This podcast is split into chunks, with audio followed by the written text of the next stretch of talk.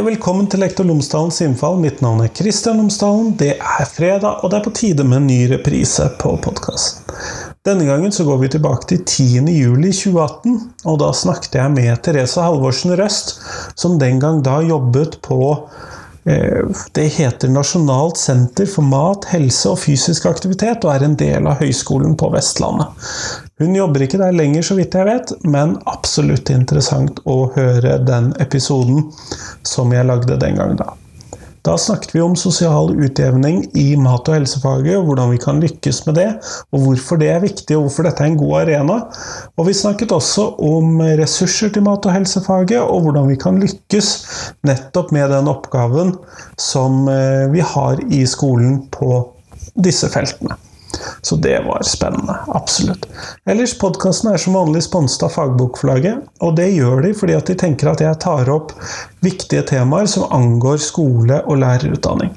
Og de tenker også at du som hører på denne podkasten, er opptatt av det samme som dem. Hvordan ny forskning kan påvirke og forbedre praksis i skolen.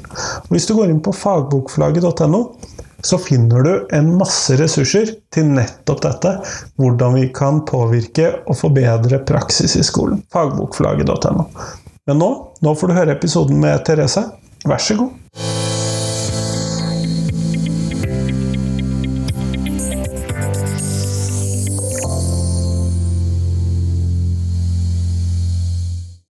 Therese Halvorsen Røst, tusen takk for at jeg har fått lov til å besøke deg på høyskolen i dag.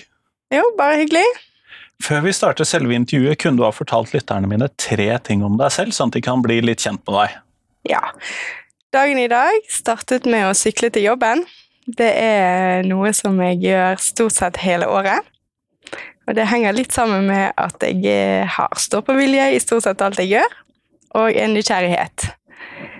Så det regner jeg som to ting. Ja. Eh, den tredje tingen det vil jeg bare er knyttet til utdannelsen min. Det, jeg har en doktorgrad fra Universitetet i Bergen, der jeg har forsket på livsstilssykdommer. Og så, med den nysgjerrigheten og stå-på-viljen, så har jeg gjennom ulike tilfeldigheter og erfaringer eh, havnet på Nasjonalt senter for mat, helse og fysisk aktivitet med et engasjement for mat- og helsefaget. Ja, og Det er jo nettopp dette nasjonale senteret som vi skal prate om i dag. Eh, og hva er det nasjonale senteret for mat og helse og fysisk aktivitet? Det nasjonale senteret for mat, helse og fysisk aktivitet er et senter som skal være støtte for fagene mat og helse og kroppsøving. Men samtidig skal vi eh, jobbe for eh, bevegelsesglede og måltidsglede i skole og barnehage. Så vi har eh, barnehage, skole, SFO, videregående opplæring, men også helsestasjon og skolehelsetjeneste som målgruppe for arbeidet vårt. Så det er et ganske stort og omfattende arbeid, med andre ord. Ja, det stemmer. Men hva jobber du spesifikt med der? Jeg fokuserer på grunnskolen og eh, mat- og helsefaget som hovedfokus, men jeg jobber også litt mot eh, skolemåltid, og også litt involvert i barnehagearbeidet vårt. Mm. Men når vi da ser på mat- og helsefaget, så har jeg tenkt Eller vi har fått høre gjennom hele oppveksten min at dette har vært et fag som man kanskje har fått litt for lite ressurser. Hvordan, hva bør et sånt mat- og helsefag inneholde når man eh, skal ha den undervisningen på skolen? Um, faget er jo et uh, praktisk fag, samtidig som det er et teoretisk fag. Så, men uten den praktiske dimensjonen i faget, så oppnår man ikke det som er formålet med faget. For det handler jo om å gi elevene kompetanse og ferdigheter til å mestre sine liv i framtiden. Eh, så, så, det praktiske eh, aspektet ved faget, det, det, må være der, tenker jeg, for at eh, du skal kunne oppfylle det som står i, som kompetansemål i læreplanen. Skal kunne lære tenåringene å være hjemme alene en helg uten å bare bestille pizza? Ja. Eller å lære de som flytter hjemmefra for å gå på videregående skole, eh, å lage mat også. Ja. Minst like viktig. Ja. jeg er enig i det. Eh, det har vel vært noen usunne forhold hos hybelboere på videregående tidligere, kan jeg tenke meg. Ja, det, og det handler jo ikke bare om at det blir usunt. Altså, det handler jo om eh, Jeg tenker eh, Ungdommene sier jo gjerne at de ønsker å spise sunt og ha et sunt kosthold, men de vet ikke helt hvordan de skal få det til. Jeg tenker Det er jo der mat- og helsefaget eh, Ja, at vi kan jobbe litt mer for å, for å gi den ferdigheten eh, hos ungdommene. Mm. Eh, men utover dette, hvilke intensjoner ser vi i mat- og helsefaget annet enn disse ferdighetene? For de skal jo ha noe teoretisk kunnskap, men jeg har ikke helt forstått hva det er man skal lære. Mhm. Eh, sånn som læreplanen til mat- og helsefaget er nå, så er den delt inn i tre perspektiver. Så Det ene perspektivet er mat og livsstil, som handler om det, altså det personlige. Altså det å ta gode valg for seg sjøl, ha trygg mat for seg sjøl. Og så er det mat og kultur, som handler om identitet, kulturforståelse, eh, respekt. Eh, og dette her med å viderebringe tradisjoner, lage nye tradisjoner, forstå forskjellen mellom hverdag og fest. Altså sånne aspekter. Så det handler jo om eh, grupper av mennesker. Litt sånn sosial dannelse, Ja. kanskje? Ja. Eh, og så er det mat og forbruk som eh, setter det i litt mer globalt eh, perspektiv, men også på et personlig plan der i forhold til å forstå matvaremerking, forstå eh, eh, Ja, lage budsjett, kunne planlegge, forstå eh, eh, priser, lage Det er ganske mye ja. man skal lære på hva er det, fire årstimer gjennom skole, skole eller fire uketimer gjennom skolegangen. Ja, altså eh, Mat- og helsefaget blir organisert litt forskjellig på ulike skoler. Eh, så timetallet eh, blir satt for første til syvende, og så fra åttende til tiende. Og så er det opp til skolen gjennom lokale læreplaner da, å bestemme på hvilket skoleår det skal ligge. Og hvordan man skal eh, organisere det med hver uke, annenhver uke, et halvår av gangen. Eh, Vet vi noe generelt der hvordan de gjør det? Altså, det er veldig mange som eh, velger å legge det til ett skoleår, og noen eh, veksler med kunst og håndverk, sånn at de har et halvt år av gangen, mens eh, noen kjører to timer i uken gjennom hele året. Eh, så læreplanen, selv om timetallet er delt inn fra første til syvende, så er læreplanen fra første til fjerde og femte til syvende. Så det er litt eh, Disse her timene som skal vies til første til fjerde, de jeg er vel litt mer usikker på hvordan blir organisert. Ja, jeg har jo ennå ikke hørt Nå er jo ikke, jeg har jo ikke samme hva skal vi kalle det, empiriske grunnlag som deg, men jeg tror jeg aldri har hørt om en skole som har mat og helse fra første til fjerde. Nei, altså det, det er jo gjerne litt eh, mer sånn tverrfaglig arbeid og temaarbeid eh, på første til fjerde trinn.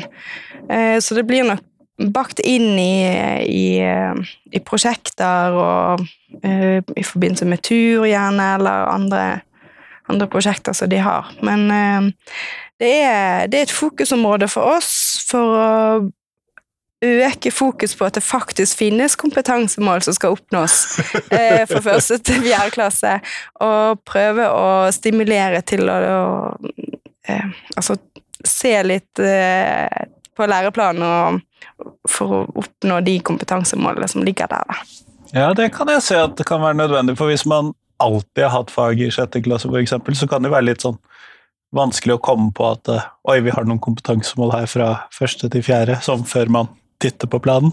Ja, ja altså det, det er jo noe som eh, skolen er pålagt å, å vite om. Eh, Men vi går jo gjerne i en sånn felle om at vi gjør ting sånn som vi alltid har gjort det. Det var jo egentlig mer eh, tanken. Ja. Eh, Men så jeg er samfunnsfagslærer, jeg er jo ikke mat- og helselærer. Eh, Og en av de viktige tingene som jeg synes, er dette med sosial utjevning eh, i skolen. At skolen skal virke sosialt utjevnende. Eh, Og så lurer jeg litt på hvordan kan mat- og helsefaget være en sosialt utjevnende faktor? Eh, Det er dette med med identitet og kulturforståelse, gjerne, men også kunnskap om om uh, sunn mat og, dette med altså matglede. Jeg tenker Sosial ulikhet henger jo sammen med kosthold. Og det henger sammen med utdannelse og økonomi, og barn er jo gjerne et resultat av foreldrenes økonomi og sosioøkonomiske status. Så tenker mat- og helsefaget har den muligheten til å skape kompetanse og ferdigheter når det gjelder eh, dette med kosthold, eh, og kan på sikt da medføre en utjevning. Eh, og tenker med dette med eh, altså kulturforståelse og identitet eh, det er også veldig viktig for å forstå og respektere andre og respektere de valgene man tar for sine egne liv. Eh, og media er jo en aktør som bidrar med veldig mye kostholdsinformasjon og kroppsinformasjon. Eh, og det er en sånn jungel av informasjon som kanskje er vanskelig å navigere i. Og jeg tenker der er jo mat- og helsefaget også viktig for å skape et solid kunnskapsgrunnlag for å kunne stå stødig eh, i de valgene man tar. Ja, for det er jo ganske mye forskjellig informasjon som kommer fra mediene, og da tenker jeg på kanskje kvalitet mer enn hva de faktisk sier. Mm. Eh, så det kan jeg se at det er nødvendig at man lærer seg gjennom et sånt fag. Men nå står vi jo eh, da midt oppi en eh, fagfornyelse. Vet vi hvordan det kommer til å Eller vet vi noe om hvordan dette kommer til å endre mat- og helsefaget, eller hele fokusområdet til det nasjonale senteret? Um, ja, altså Det nasjonale senteret har vært aktiv i alle, i alle innspillsrundene som har vært, og vi er aktivt eh, når det gjelder å foreslå personer som sitter i arbeidsgruppene. Eh, som utvikler kjerneelement og nå til nye læreplaner. Eh, det vi kan se av kjerneelementene så langt, er at det legges eh, stor vekt på de praktiske eh, ferdighetene i faget. Sånn at alt begrunnes, og alt, alt som man skal lære, det skal man lære gjennom praktisk eh, øvelse. Ja, for i dag så er jo kompetansemålene relativt teoretiske, er det ikke det? Som til selve kompetansemålene i dag? Jo, altså det er en, det er en blanding, og det, det kan jo gjerne Eh, man skal jo se kompetansemål i forhold til formålet med faget også, eh, men det praktiske elementet tåler nok eh, enda mer trykk for å Ja, det tenker jeg. Men sånn at man kan også se kjerneelementene tyder på et fortsatt praktisk fag, da? Absolutt. Ja. I tillegg så er det kommet inn noen nye temaer, sånn som dette med bruk av sanser. Eh, det handler jo om et forbrukerperspektiv også, med dette med matsvinn og altså se lukt og smak før du kaster, men også stimulere til matglede. Vi tenker det er for mye frykt, og det er for mye nei-mat. Eh, vi har lyst til å snu vinklingen og heie på dette her med, med matglede og det positive forholdet til mat for å se et mangfold. og eh, mangfold av smaker, konsistenser og farger. Så vi Så gøy! eh, Det, ja, det er jo så det tenker jeg blir veldig, det blir veldig bra eh, for mat- og helsefaget. I tillegg så er matvarekjemi in- inkludert som et nytt tema. Så, Ja, så det Hva er det? Det hørtes gøy ut, men hva er det? Nei, altså du forstår f.eks. For hvorfor bakverk hever. Hvorfor du kan heve med gjær og med bakepulver og natron, f.eks. Hva er forskjellen på det? Eh, hva er det som skjer når vi blander ulike ingredienser? Egg, f.eks. Hva hvilken funksjon har det som hevemiddel? Eller hvordan kan det virke som hevemiddel, og hvorfor? Altså det Og det tenker jeg er et sånt eh, et nytt aspekt ved mat- og helsefaget som kanskje kan eh, stimulere til litt nysgjerrighet og eh, Kanskje stimulere noen andre elever enn eh, ja, tidligere? ja, det tror jeg. Så, så det blir spennende å se hva, hva de klarer å få til på, på læreplanen ut ifra fra disse temaene i kjerneelementene. Er dere representert i disse læreplangruppene, eller er dere, har dere bare fått spilt inn eh, noen? Vi har fått spilt inn, og vi er representert eh, her ved Høgskolen på Vestlandet eh, i læreplangruppen, da. Så um, Det er jo alltid godt å være. Ja, det tenker jeg også. Jeg, eh, jeg ser det gruppen består av veldig kompetente personer. Jeg tror at sammensetningen gjør at de skal ta vare på faget, faget sine ulike perspektiver på en god måte. Eh, Jeg vil komme tilbake til en ting som For jeg startet det første spørsmålet mitt med å snakke litt om ressurser, og det syns jeg jo eh, Fordi at noen ganger så har man jo hørt historier rundt omkring om eh, skoler hvor man tegner mat fordi at man ikke har ressurser til kjøkken osv. Eh, og det, så lurer jeg da på, hva vet vi? Vet vi noe om hvordan ressursbruken er på dette faget i skolen, eller om man har nok ressurser, da, både i tid og penger, ut i skolene til å så drive et sånn praktisk fag, da? Ja, nei, du stiller, eh, stiller et interessant og godt spørsmål, og det er Altså, det er ikke så lett å Altså, Vi vet ikke hva de ulike skolene sitter på, men ofte så handler det også om en type prioritering og et samarbeid med f.eks. lokalt næringsliv eller bønder, eller eh, altså litt kreativitet. Og så er det ofte sånn at mat- og helsefaget blir jo ofte drevet av én engasjert lærer, eller Det kan jeg tenke meg. Eh, Så vi ser jo det at det er noen skoler som får det til på en veldig god måte. Med, med et samarbeid utad, og på den måten eh, få, få til ressurser. Um, men jeg tenker det at det handler jo ikke om å kjøpe inn de dyreste råvarene og eh, flotte seg med flott mat.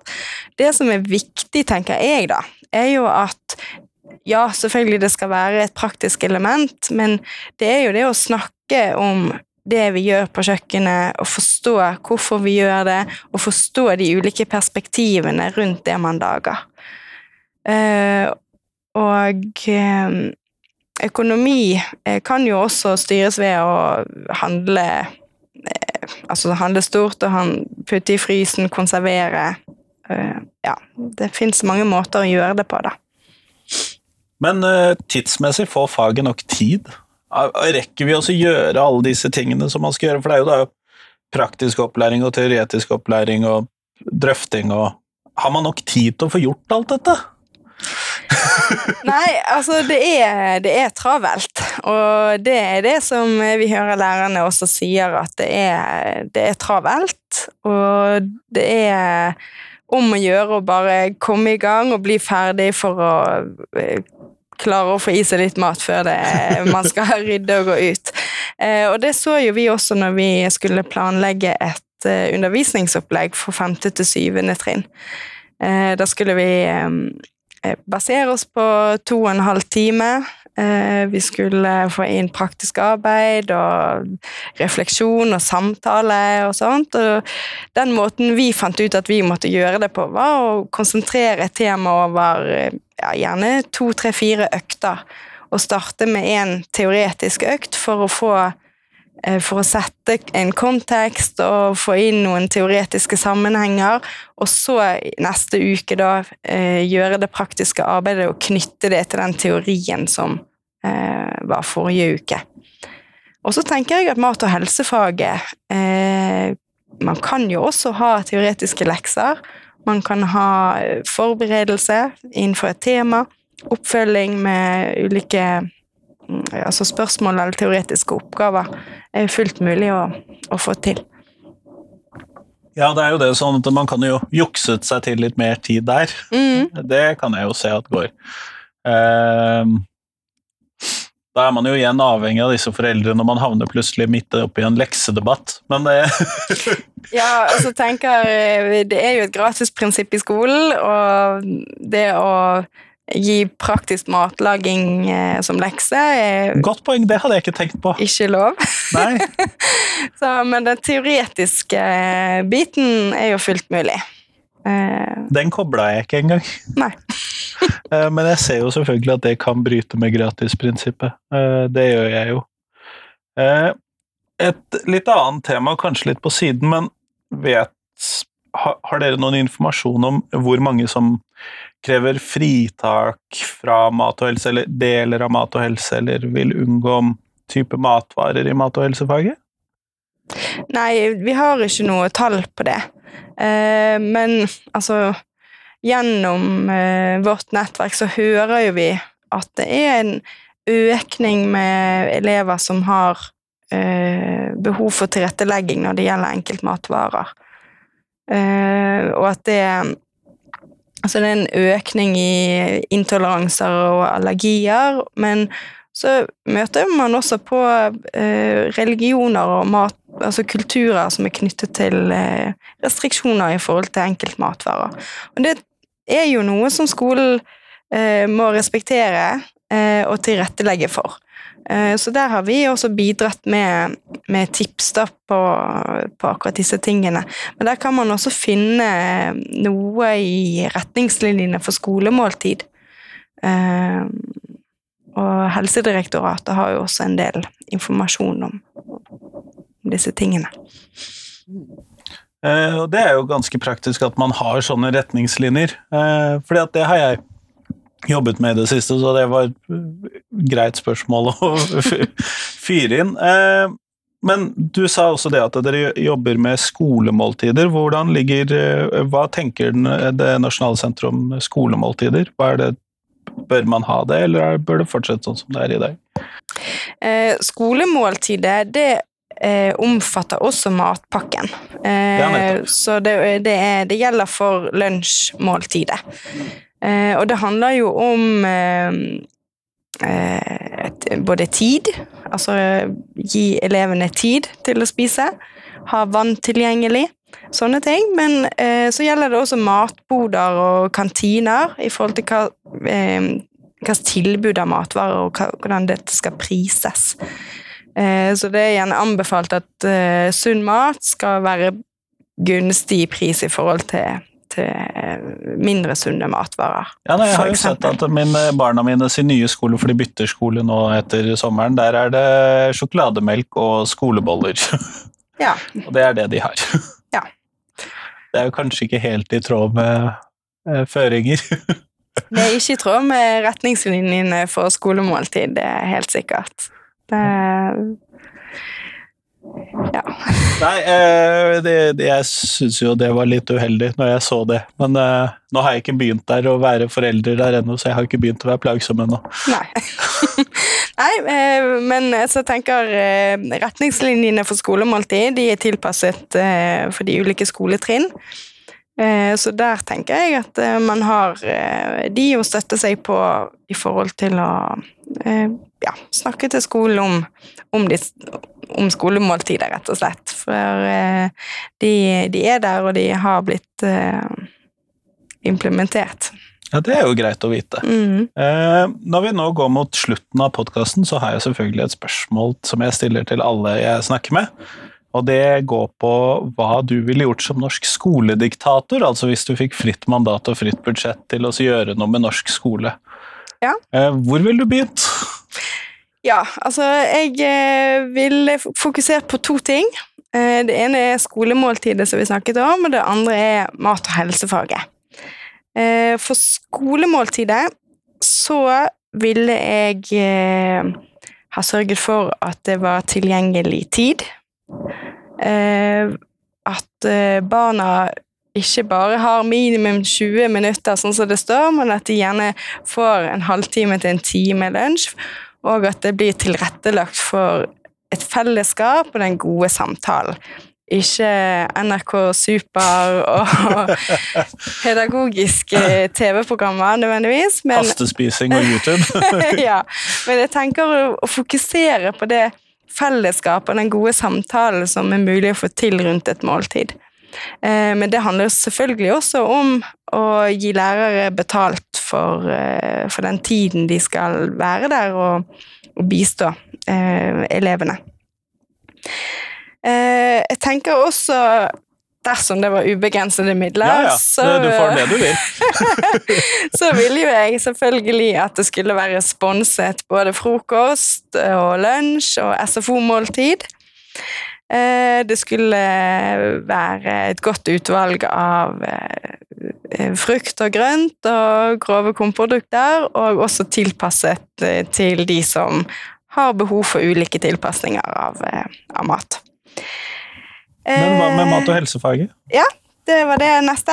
Der er det liksom ulike, ulike ting å fokusere på. For det ene er jo at under 50% av lærerne som underviser i mat- og helsefaget, de har mat- og helseutdanning. Så jeg ville fokusert på å, å gi et eh, etterutdannings- eh, eller videreutdanningstilbud til lærere. Og det handler jo om å gi ressurser eh, både til eh, UH-sektor og til eh, skole for å få dette til. Og tilbudet til mat- og helseutdanning måtte også styrkes, for det er ikke mulig å få mat- og helseutdanning på så mange institusjoner i Norge. Så, så det er jo litt sånn politisk aktivitet for å få, få det til. I tillegg så vil jeg da fokusert på både bachelorutdanning, eh, masterutdanning og ph.d.-utdanning i mat og helse. For vi ser nå en situasjon der det er få som utdanner seg til mat- og helselærere. Og eh, jeg stiller meg et lite sånn spørsmål da, hvem er det som i fremtiden skal utdanne mat- og helselærerne? Ja, nettopp. Jeg ser, Ja. jeg ser problemstillingen. Hvem skal utdanne de vi senere skal utdanne til å gjøre denne jobben? Ja. For eh, Så det ser jeg på med litt sånn eh, Ja, det litt Jeg syns det er urovekkende utvikling, da. Med, med få studenter som går ut med, med master eh, og ph.d.-grad i mat og helse. Eh, Nettopp. Nei, jeg ser det, så vi må styrke det både i bånn og på toppen. Ja. Eh, og på skolen så tenker jeg at det handler jo om sånn som du var inne på, med ressurser og med, med timer, men også tenker jeg at gjennom den kompetansen som, eh, som lærerne får, så vil eh, fokuset på faget komme etter. Eh, og så er det jo et grep som eh, vi har spilt inn til Kunnskapsdepartementet, eh, som nå er i utprøving. Det er å ha mat og helse som trekkfag til eksamen. Eh, det tenker Det jeg hørtes skummelt ut for jeg, Jeg tror jeg hadde eh, dånt om den hadde kommet, som jeg hadde fått vite det. Men nå gjorde jeg jo nesten det av matematikk òg, da. Sånn at det, da, Ja. jeg tenker eh, en praktisk muntlig eksamen i mat og helse kunne være kjekt. ja jo, Eh, praktisk, så er jeg enig. Ja. så, så det er jo veldig Altså, det går jo på utdanning, og det går kanskje på kompetanseheving eh, av eh, lærerne, da. For jeg tror at uh, gjennom det så vil, eh, vil altså Læreplanene er jo gode, så det handler jo bare om å, å få det til. Få brukt dem. Ja, inn på den tiden man har tilgjengelig, og med de ressursene. Så mm, Nei, men Flott. Det hørtes ut som eh, gode tiltak som skolediktator. Ja, Tusen takk for at jeg har fått lov til å komme og prate med deg i dag. bare hyggelig.